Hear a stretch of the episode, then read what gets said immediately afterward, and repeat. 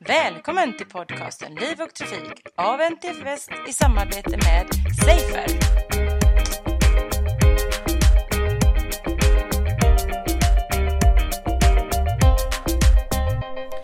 Idag träffar Liv och Trafik-podden Anders Kullgren som är trafikforskningschef på Folksam. Välkommen till podden Anders.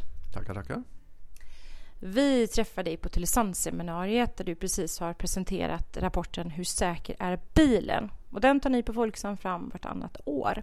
Kan du berätta lite mer om den och varför ni gör det här? Ja, vi har gjort det här jättelänge, ända sedan 83, så det här är ju 17 rapporten vi ger ut. Och det är för att vägleda konsumenter så att man ska göra, underlätta för ett bilval när man köper en, framförallt en begagnad bil eftersom den här rapporten bygger på verkliga olyckor.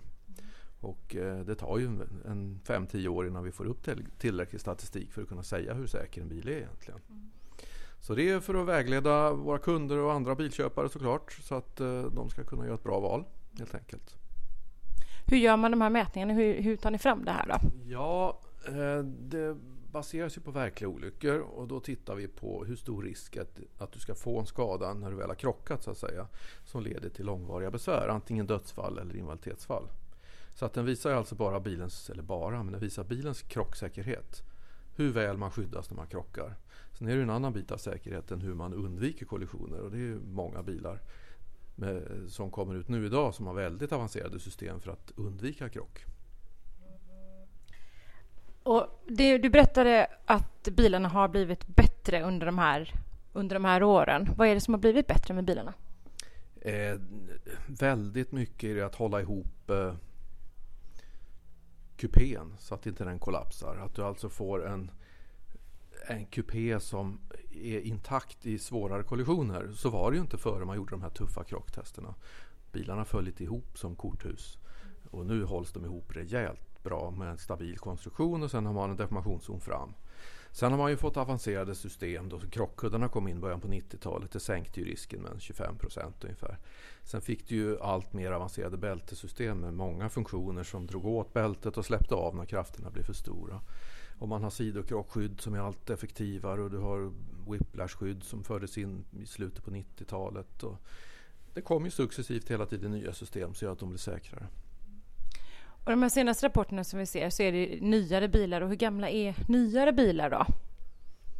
Ja, man kan säga senaste 3, 4, 5 åren har det kommit väldigt mycket system.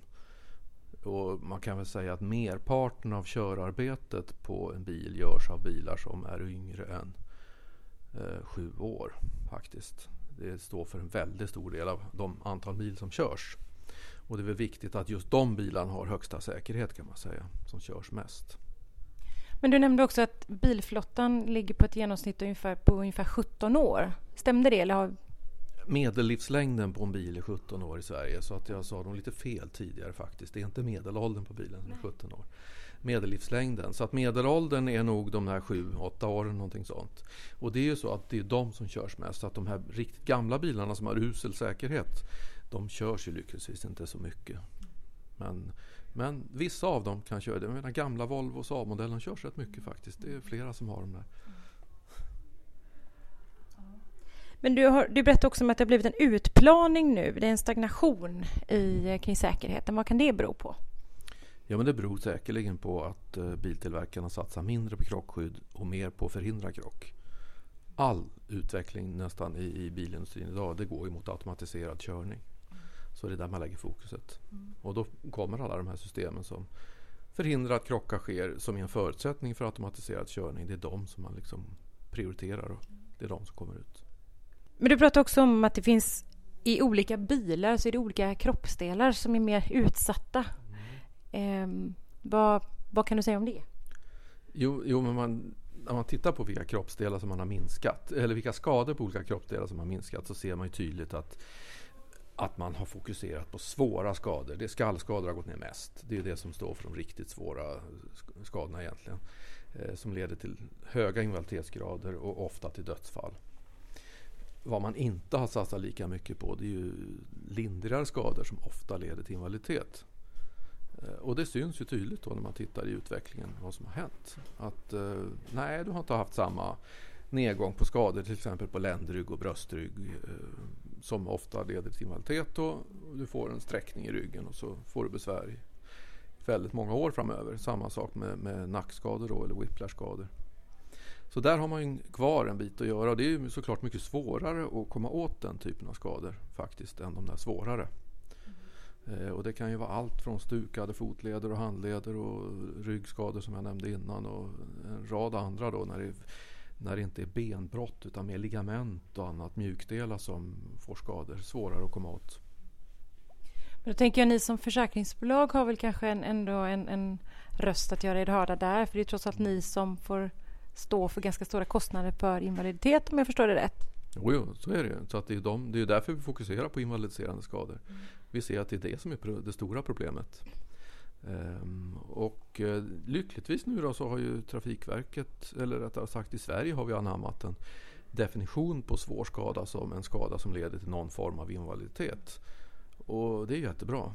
Sen är det bara frågan om vilken nivå det där ska ligga på och vad man tycker är lämpligt. Och nu ligger den på minst 1% invaliditet så det är alla som får invaliditet. Ju större bil desto säkrare är den. Stämmer det resonemanget? Ja, generellt kan man säga så att bilens vikt är väldigt eh, styrande. Eh, så att visst kan man ta fram ett sådant samband och det kan du visa rätt tydligt att ju större desto säkrare. Men sen så är det ju väldigt många små bilar så att säga som har väldigt hög säkerhetsnivå faktiskt. Och går på mellanstora bilar så är de lika stora andel som är i säkraste klassen som de stora. Men sen när man går upp i de här riktigt stora minibussar och, och, och SUVar, stadsjeepar, så, så kommer de bli väldigt mycket säkrare då i, i snitt än de småbilarna. Så är det. Så det kanske inte är att föredra att krocka med en SUV om man sitter i en liten bil? Nej, precis. Och anledningen till att de här större är så pass, eller mycket säkrare än de mindre, det är att de, vi har ju en spridning på, av bilar i storlek och så länge vi har den stora spridningen vi har så får småbilarna lida för det. Skulle alla bilar vara lika stora så skulle du inte se den här skillnaden. Finns det någonting som småbilstillverkarna kan göra för att motverka det här eller för att mota Olle Grind lite, att bli lite säkrare? Då?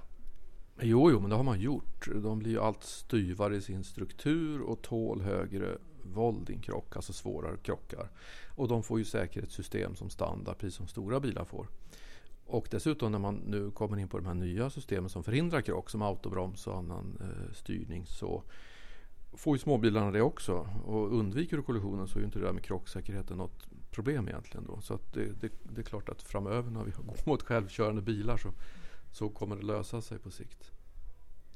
Ja, precis. Det var just det som jag tänkte jag skulle ställa eh, en fråga till dig. Hur, hur kommer det att bli när vi får självkörande bilar? Kommer, vi, kommer folk liksom slippa att göra de här testerna en gång vartannat år för att vi inte kommer ha några, några kollisioner på samma sätt? Ja, ja, på väldigt lång sikt är det så. Men eh, som sagt, vi har en bilpark som lever i snitt då i 17 år. Så att det kommer ta väldigt lång tid innan vi har bytt ut den här. Så att under, säg fram till 2050 så kommer vi i alla fall ha en mix i bilflottan av den traditionella som vi har idag och sen så allt mer automatiserade tills vi har de här helt automatiserade. Men det kommer långt fram. Så att, eh, men visst, det går ju mot det. Till sist då. Har du någon rekommendation för en småbarnsförälder? En, den, en bra bil till en små, småbarnsförälder och en bil som man kanske absolut inte ska sätta sig och sina barn i? Ja, den, först, den andra är ju lite enklare. En småbil från tidigt 80-tal är inget bra.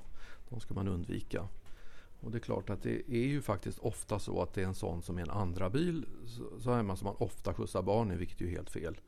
Det ska vara precis tvärtom. Då ska man välja den större bilen när man ska skjutsa barn i. Då. Och eh, det finns ju en rad stora bilar som är jättebra. Då behöver man ju inte ta den som kom bäst just nu, en, en, en stor Volvo XC90. Det finns ju mindre varianter av eh, både minibussar och stora bilar som funkar alldeles utmärkt. Men det är en stor bil du rekommenderar i alla fall, eller åtminstone en mellanstor bil. Det är din rekommendation? Ja, det får jag nog säga. Och där finns ju flera som också har det kan man titta på vår hemsida också som har anpassade system för bältesystem i baksätet för barn. Att, alltså att man har en sån här eh, bälteskraftbegränsare och det finns avancerade bältesystem som kan vara anpassade för barn i baksätet också. Och även sidokrockgardiner och så som finns i baksätet. Eh, och det gör ju att barnen får ett högre skydd i baksätet. För oftast är det så att säkerheten i baksätet är sämre faktiskt. Men vissa fabrikanter har riktigt bra säkerhet där. Då tackar vi dig så hjärtligt för det här. Tack så mycket. Det var allt från Liv och Trafikpodden för den här gången. Jag heter Anna Svedestam och tack för att du har lyssnat.